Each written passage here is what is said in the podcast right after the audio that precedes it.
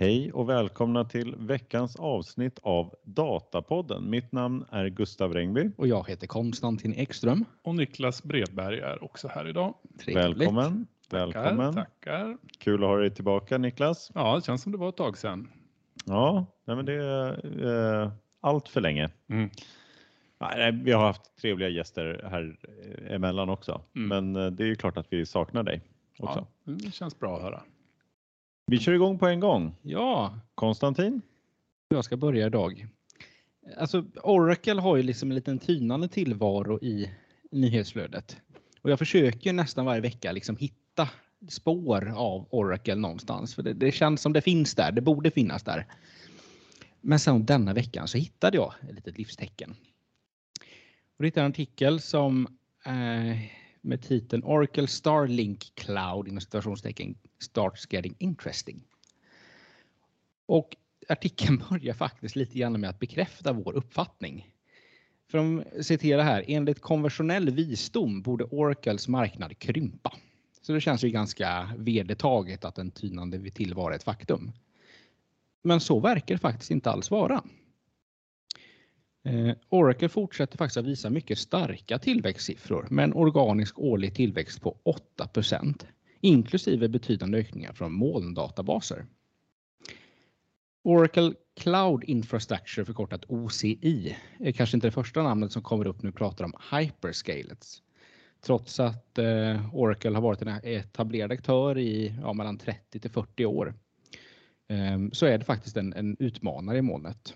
AWS, Azure följt av GCP nämns vanligen först innan Oracle Infrastructure ehm, Cloud.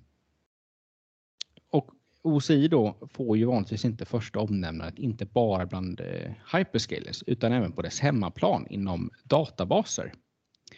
Men deras eh, Autonomous Data Warehouse bearbetar faktiskt många gånger fler förfrågningar per timme än konkurrenter som ja, exempelvis Snowflake eller sådär. Eh, för att vara specifik så är det över, processar de över 9 miljarder queries per timme. Så det är ganska mycket faktiskt. Eh, om man säger.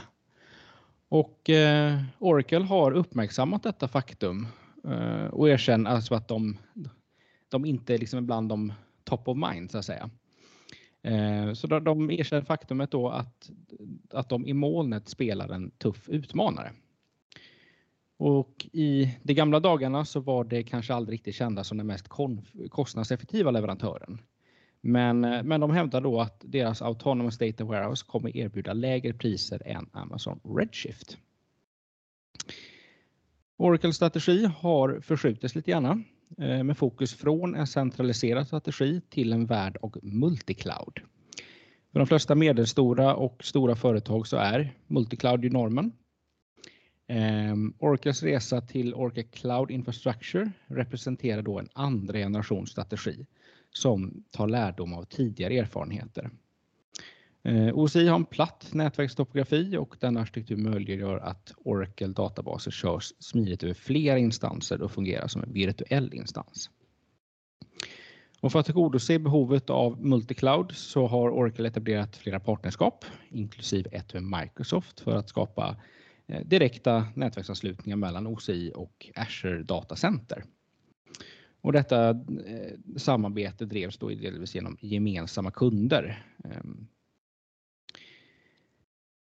Och eh, Oracles multicloud-strategi bygger också på partnerskap med andra hyperscalers ehm, när det kommer till databaser, vilket syns i fallet med MySQL Heatwave på AVS. Så även om Oracles databastjänster är optimerade för deras egna hårdvara så är det ett undantag att kunna köra Heatwave på AVS. Då.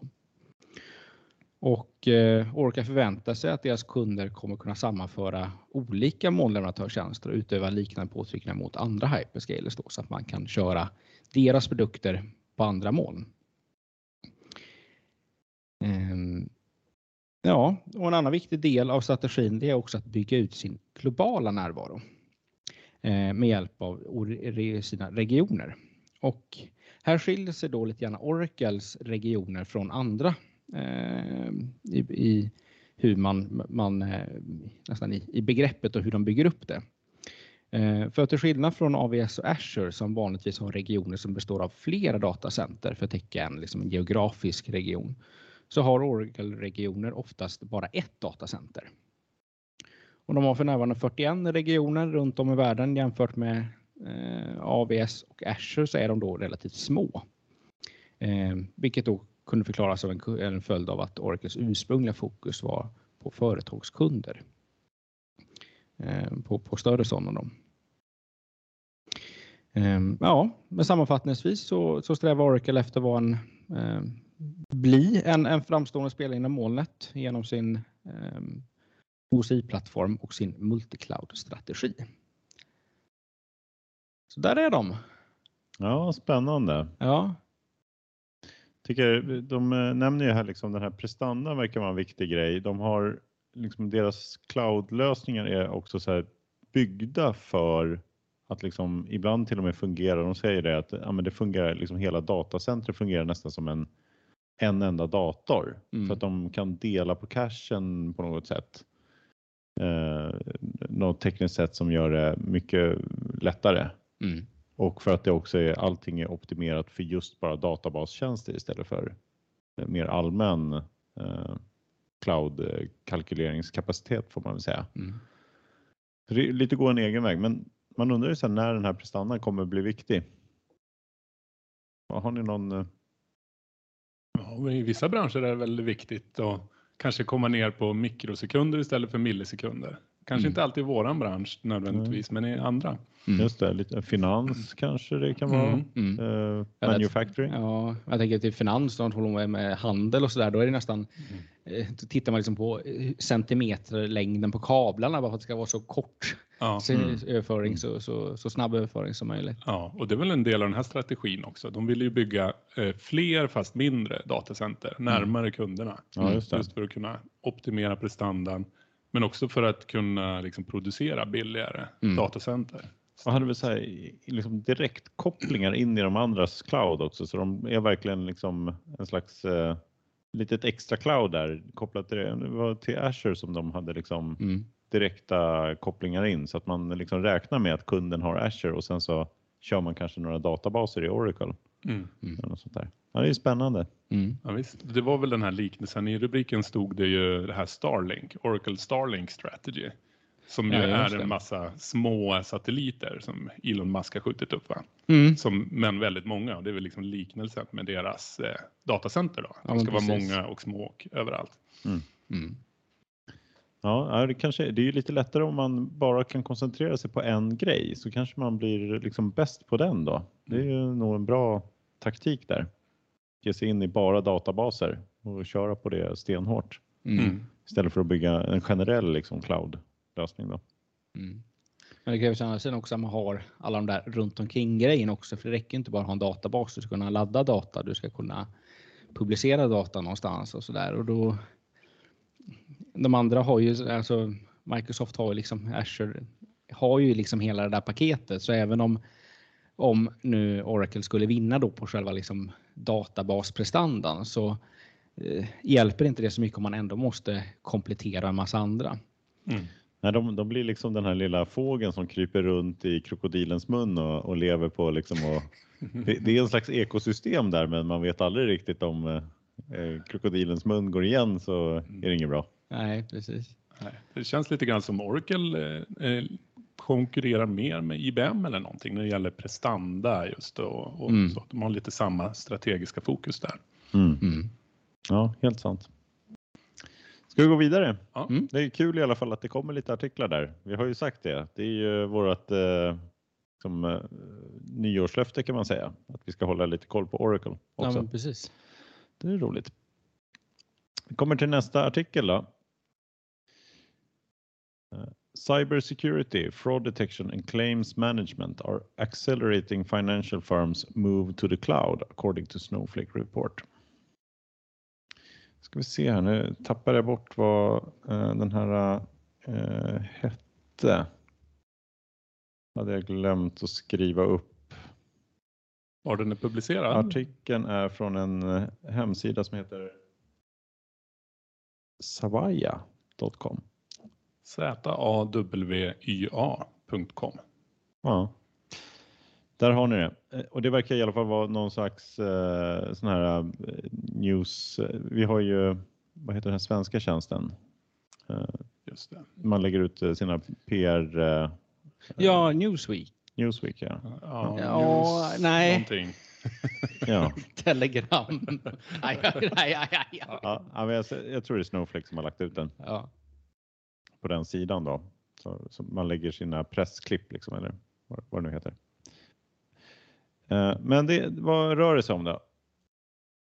Det är eh, Snowflake har beställt en undersökning av finansbranschen från företaget eh, Focal House.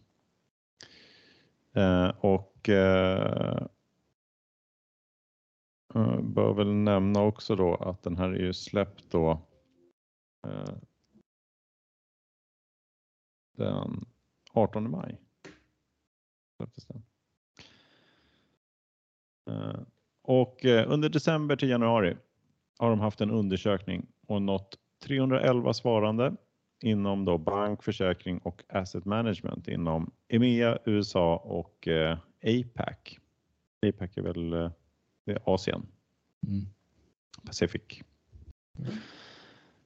Eh, mer än 35% är på chefsnivå eller C-level som de säger. De andra är seniora roller då i bolagen Det har varit en online-enkät med multipla frågor. frågor. Och då frågar vi vad har de ställt för några frågor till de här? Eh, då har de konstaterat här att eh, det är frågor kring eh, gå upp i molnet då. Och man konstaterar att takten att gå upp i molnet ökar. Drivkrafterna att göra det här är då alltså i fallande ordning här, cybersäkerhet. 50 svarar att cybersäkerhet är eh, viktigaste skälet varför man ska upp i molnet. Fraud detection är 39% Försäkringsärendehanteringen, förbättra den då, är 34% Och så de två sista marknadsanalys och riskanalys också. De fick vi inga procent på. Man konstaterar att nyliga ökningar av cyberattacker och kriminalitet inom finans med också en eh, ökad exponering då av eh, detsamma i media och ökad regulatorisk granskning sporrar de här IT-teamen då att göra molninvesteringar för att förbättra då och skydda data och få bättre kontroll. Eh, och man minskar risken för finansiella brott genom att öka då digitaliseringen av banker och betalningar, banktransaktioner. Möjligheter med molnet innefattar bland annat då att man har en slags eh, bedrägeri och anomalidetektering i realtid konstaterar man är en bra sätt att då hjälpa till med, med att säkra. I grunden vill man få en förbättrad kundhantering och förbättrad utkomst med ökad speed to market. Allt med högsta säkerhet och kontroll, kommenterar Rinesh Patel som är Global Head of finansiella tjänster då på Snowflake. När ska man gå upp i molnen då? 49% tror de kommer ha en fungerande molnlösning på plats inom 2 till 5 år. Många har redan eh, en på plats idag eller ska vara där inom 12 månader. Så hälften är på väg upp i molnet i närtid då får man säga, eller relativt närtid.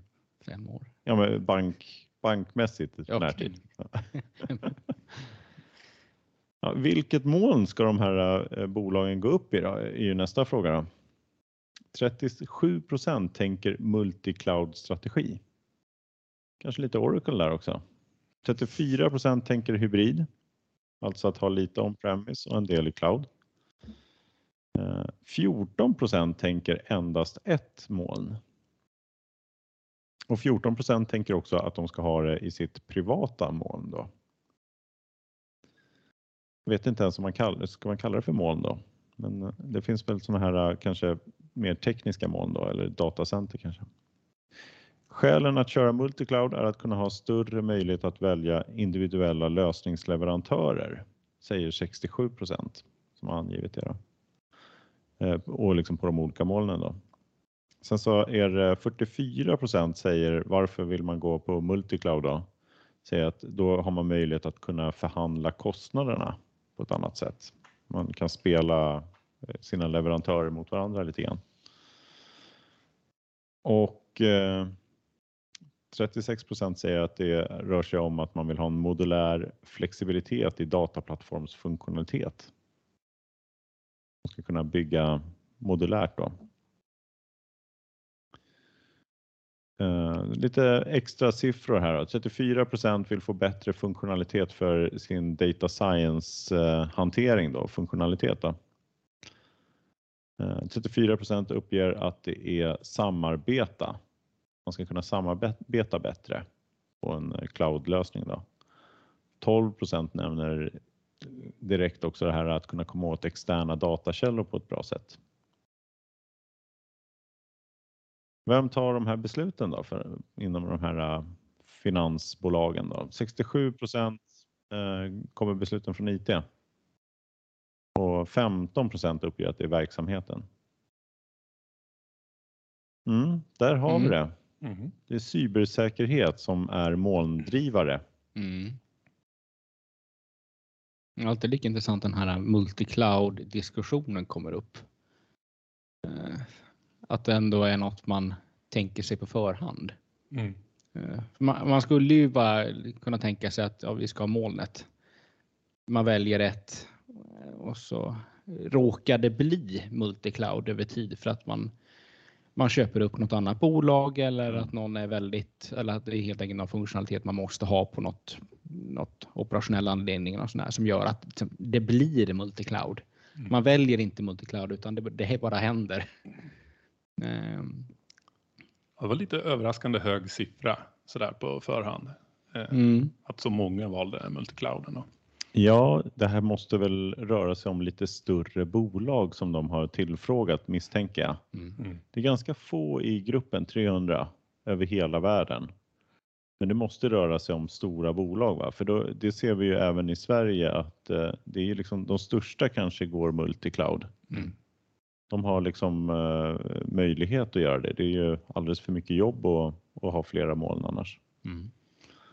Men uh, ja, det är väl uh, bra för Oracle då. Då finns det en grupp för dem också att, jobba mot. Då. Det mm. kanske blir enklare framåt också att det blir mer tydligt att det finns den typen av tjänster också som är inriktade på multicloud på det sättet. Mm.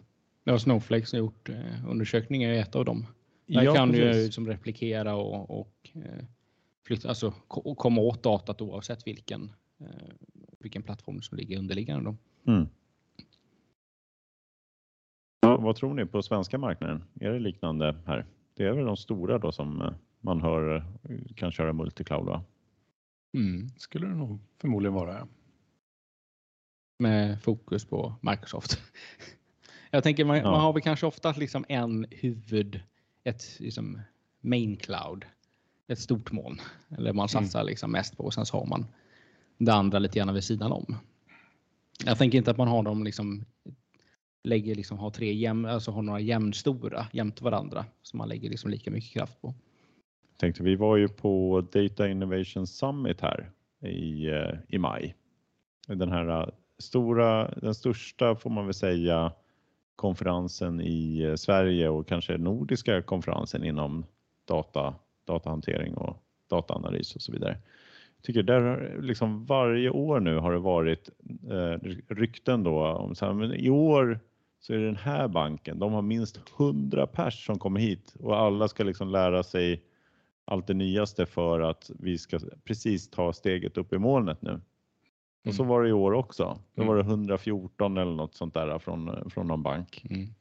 Men det är, liksom, det är lite olika banker varje år, men det är alltid en bank som kommer dit med ett gäng eh, folk. Mm. Så det, det, stämmer väl ganska bra att vi, jag tror svenska bankerna måste vara, eh, ha redan, inte fem års sikt utan lite närmare va? Mm. Ja, i alla fall med delar av sin verksamhet. Mm. Ja, men det är väl intressant att se här i alla fall vad, vad som rör sig i finansbranschen. Ska mm. vi gå vidare? Ta ja. lite helhetsgrepp här.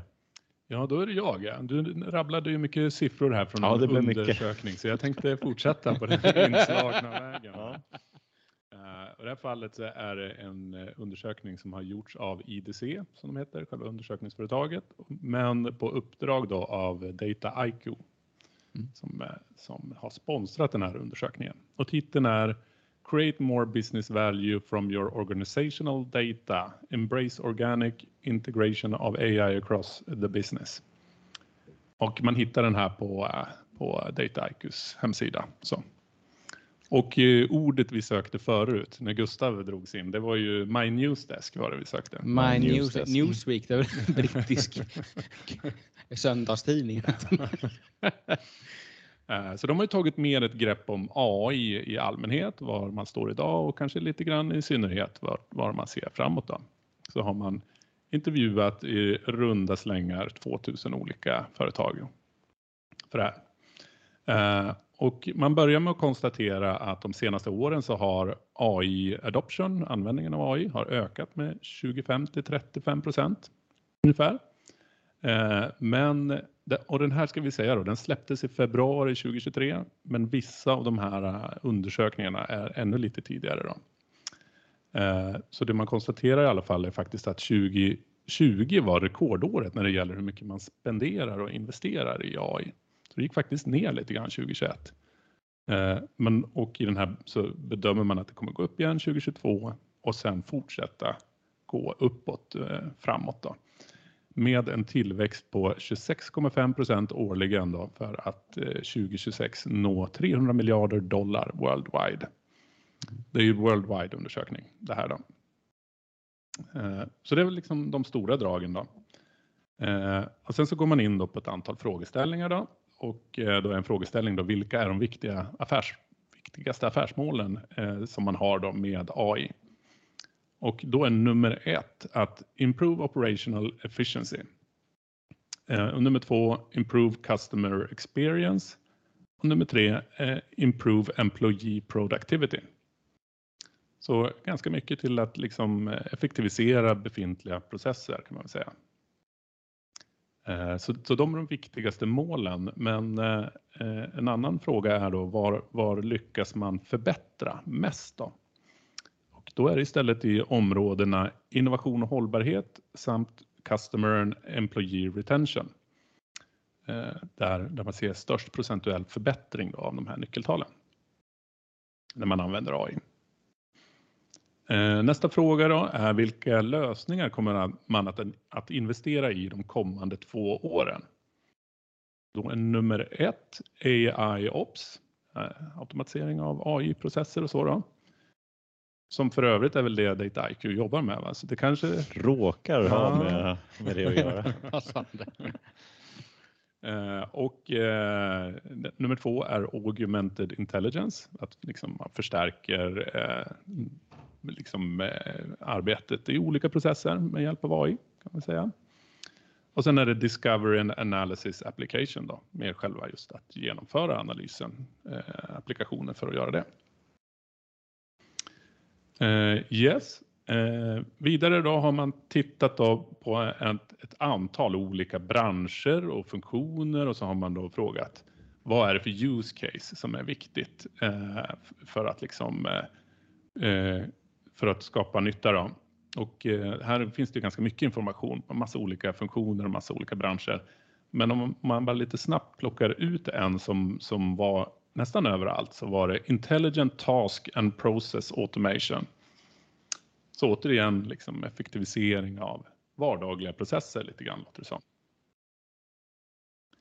Eh, de tittar på vilka branscher som spenderar mest och då är banking etta där. Mm. Härligt. Mm. Mm. Och följt av manufacturing, retail och professional services. Det var egentligen bara industrin som inte fanns med där. Ja, manufacturing är i alla fall med där. Då. Ja. Mm. Eh, och så kikar de på ja, vad är det för data man nyttjar då för att göra de här eh, algoritmerna och det. Då. Eh, och då är det många som använder transactional data i form av betalningar, fakturor och så vidare. Då. Och eh, det de kallar master data då, med kunder, partners, anställda, produkter och så vidare. Eh, efter det så kommer då sociala medier på plats nummer tre. Och sen kommer väl skrällen då kanske på plats nummer fyra, att det är blockchain-data som används mycket också. En, en liten överraskning i alla fall kan jag tycka. Mm. till och med efter det då så kommer clickstreams, eh, events och IoT-data, den typen av, av eh, data. Följt av lite andra saker i form av ostrukturerad data, video, kartinformation och sånt här. Eh, sen har de en fråga då, eh, om man nu då har misslyckats med ett AI-initiativ, varför gjorde man det? Och nummer ett är att den här teknologin presterade inte så som man hade förväntat, AI-teknologin. Eh, nummer två är att man inte har eh, data pipelines för liksom flera datakällor eh, produktionssatta och, och, redo för att liksom nyttjas här. Eh, nummer tre är att resultatet av den här eh, AI-algoritmen är att den var för disruptiv eh, för nuvarande verksamhet. Så man var tvungen att vända upp och ner på alltihopa för att, att liksom anpassa sig efter det den här modellen sa och då valde man väl att inte göra någonting istället. Då. eh, eh avsaknad av en, eh, en integrerad utvecklingsmiljö eh, kopplat till, till produktion. Då, så att hela den processen hänger inte ihop. Och även då ett eh, stort, eh, stort anledning till det här är att man inte har tillräckligt med kompetens bland eh, personalen. Och det gäller liksom både data scientists och data engineers men också som de beskrev verksamhetspersoner som, som ska dra nytta av det här i slutändan. Då. ja, och då går de vidare och så trycker de då på nu, det här var själva undersökningen, så det här var statistiskt säkerställt. Sen la de in lite extra slides och då, då uh, trycker de då på uh, vikten av AutoML. Det här kanske man då kan gissa är, en, är någonting som DataIQ har velat ha mm. med. Då. Mm. Men de har väl en, en prediction där i alla fall att 2024 så kommer de flesta organisationer att åtminstone till 30 procent använda AI-automat kombination för att liksom lösa de här eh, frågeställningarna. Eh, och det de ser som två risker som kan, eh, kan förhindra den här utvecklingen framåt. Då. Det är dels olika typer av avregleringar som kan göra att det här bromsas in framåt. Och det andra är att det saknas kompetens som jag sa, både i form av teknisk kompetens men också verksamhetskompetens. Då.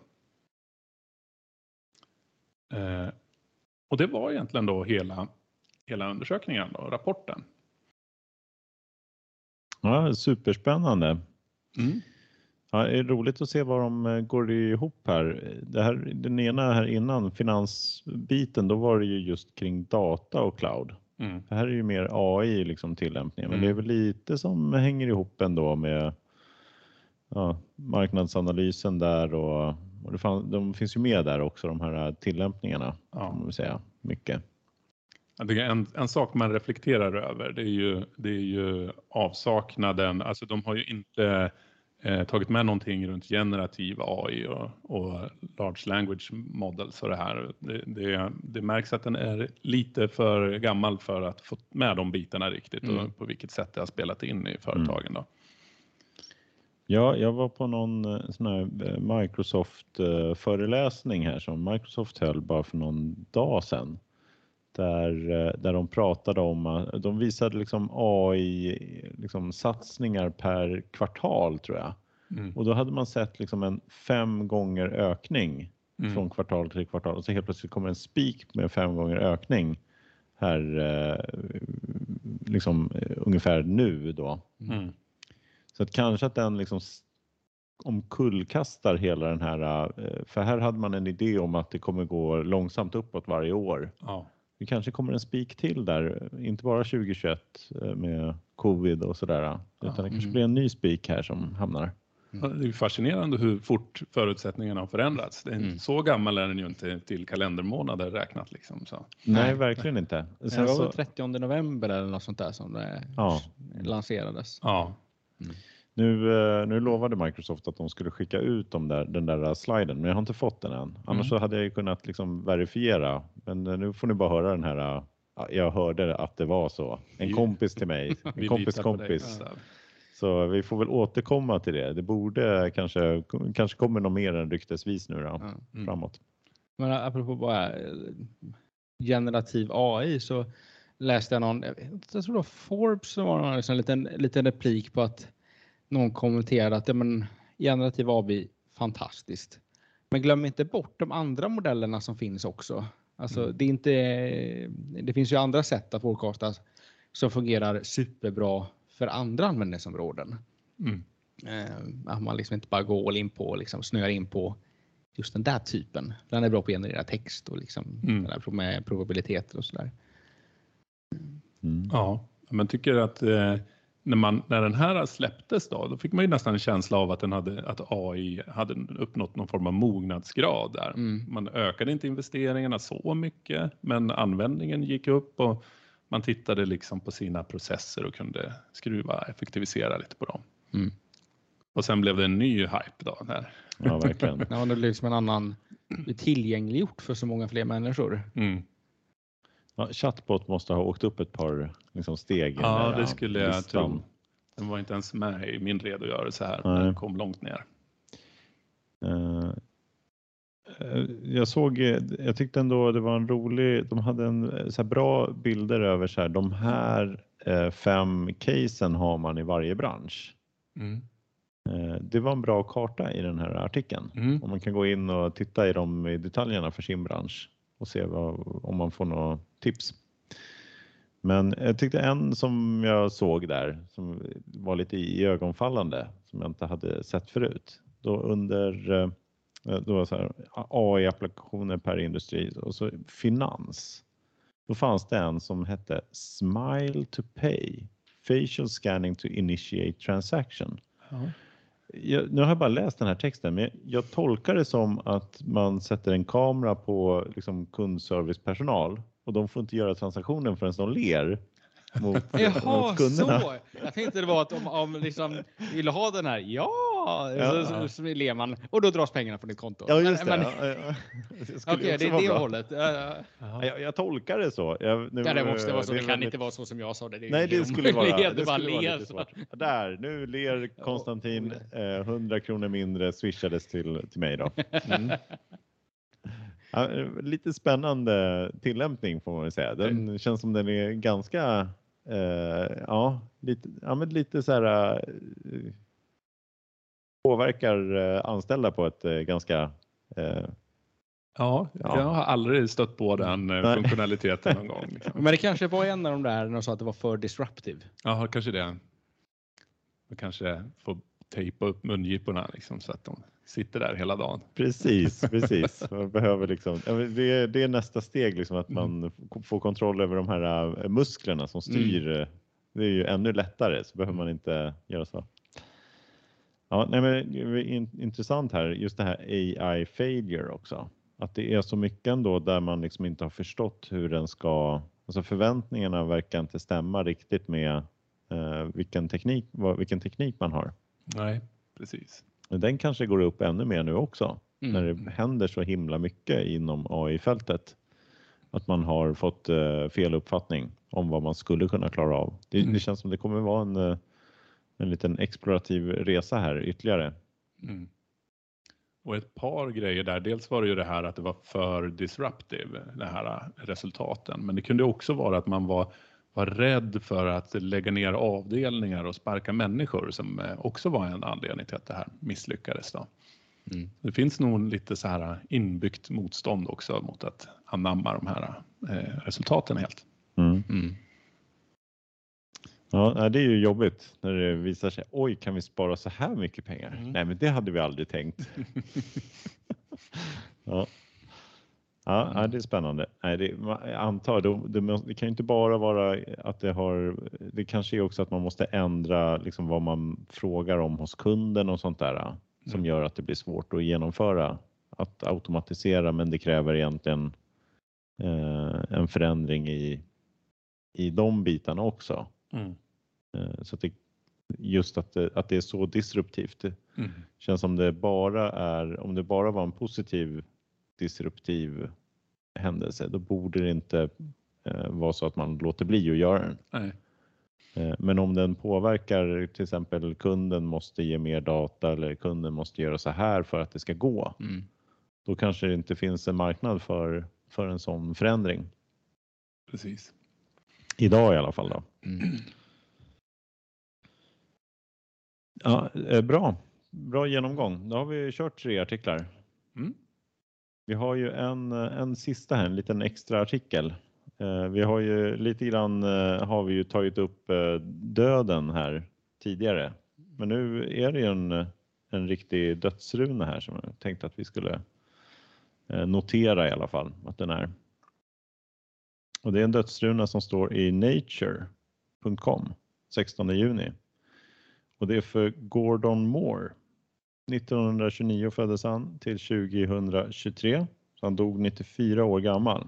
Han dog 24 mars här i år. Eh, med eh, eh, underrubriken Microchip Entrepreneur and Architect of Moore's Law. Så eh, Moore var ju med, han bland annat så var med och grundade först Fairchild Semiconductor och sedan företaget Intel som de flesta kanske känner till.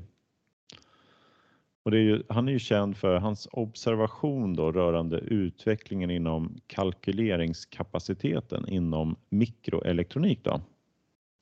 Känd som Moores lag Eh, det är den, han har liksom gjort den observationen och skrivit om den.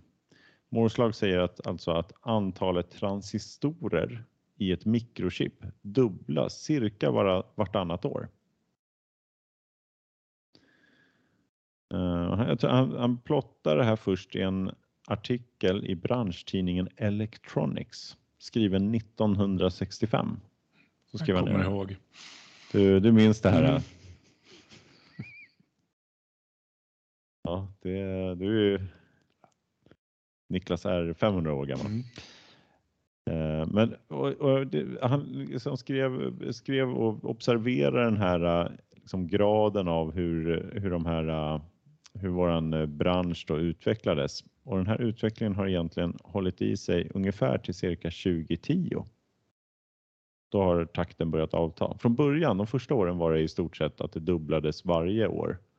Men sen så har den liksom avtagit lite långsamt och blivit långsammare och långsammare då. Men nu är den eh, annorlunda. Vi får vänta på kvantum eh, kvantdatorerna innan vi får någon liknande kanske. Ja, det är väl tråkigt, men en gigant i våran bransch har gått bort. Han var ju med och liksom styrde Intel väldigt många år då också, mm. utöver att han var en av grundarna då. Vi är ju en ganska ung bransch så det är inte så många som har hunnit eh, börja dö än. Nej precis, det, är, det här är lite ovanligt. Mm. Så liksom, det här är en, en av de rikt, riktiga pionjärerna mm. inom liksom mikroelektronik så det är nästan det är inte ens eh, vår bransch eller vad man ska säga. Det här är liksom, vi lever ju på den här branschen kanske. Mm. Men det är mm. nästan så att vi lever i en datavärld som är född på en ytterligare lager på den här branschen. Så ja. att, Eh, ja, är det... På, på Oscars, på Oscarsgalan, då brukar de ju alltid ha en sån där in memoriam om mm. olika skådespelare som har gått bort. Vi kanske ska ha något liknande tema på Datapodden. Ja, precis. En mm. liten, eh, kanske sätta stjärnor i, eh, i våran... Lake. Ja, precis. Lake. Jag tänkte parketten här kanske. Ja, parketten. Ja, ja såklart. såklart, såklart. ja, ja det, är, det är spännande. Mm. Nej, jag brukar alltid blanda ihop eh, Moores lag med De Morgans lag. Den är lite äldre, men eh, mm. det är ju inom eh, logik har man nytta av när man skriver sina queries. Mm. En tyst minut mm. för Moore. tar vi när vi har avslutat det här programmet tror jag. Ja, det blir bra. Ja. Tack så mycket för att ni har lyssnat idag. Tack så Tack. mycket. Tack. Hej då. Hej då. Hej hej.